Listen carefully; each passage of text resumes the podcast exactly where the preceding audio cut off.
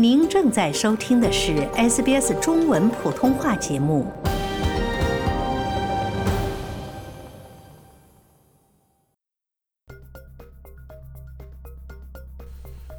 各位听众，大家好，我是 Lauren 陈龙。今天 SBS 新闻快报带您关注昆州的租赁法规。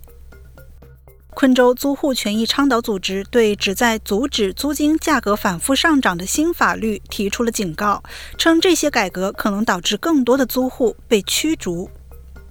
目前，昆州法律规定房东可以每六个月涨租一次，而根据即将于七月一日生效的新规，房东在十二个月内只能涨租一次，除非租户离开，而新住户可以合法的被收取新涨的租金。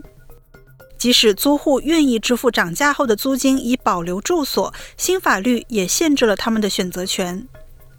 这些法律的制定旨在帮助解决日益严重的可负担房屋短缺问题，但一些业内人士对其持批评态度，认为新法规的出台缺乏咨询。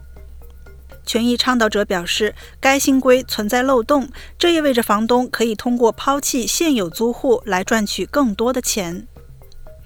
昆州副州长史蒂芬·迈尔斯在四月宣布新法规的时候说：“这些修正案将使昆州与其他澳大利亚司法管辖区保持一致，平衡了租户、房地产业主和投资者的权益，以维持租赁供应。”然而，租户权益倡导者担心，立法中没有任何的机制可以阻止房东在租约到期后驱逐租户，然后随心所欲地提高租金价格。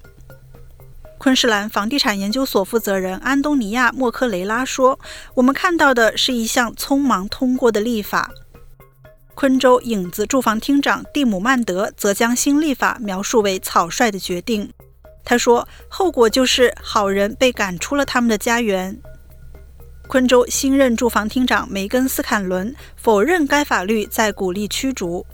他说：“我不认为该法律会产生这样的作用。”昆州租户协会呼吁进一步改革，包括设置租金上限和禁止房东在租约到期后终止租赁。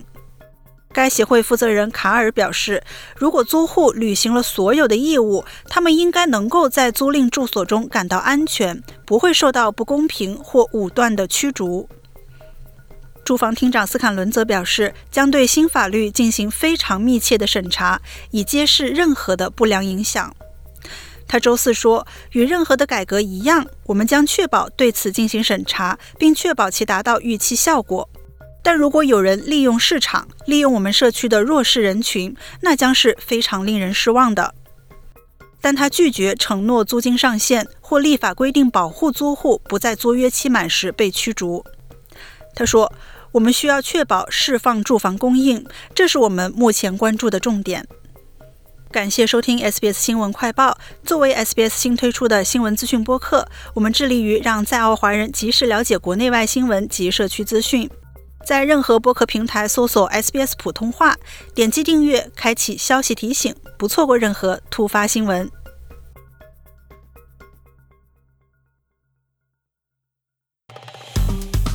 喜欢、分享、评论。欢迎您在 Facebook 上关注 SBS 普通话页面。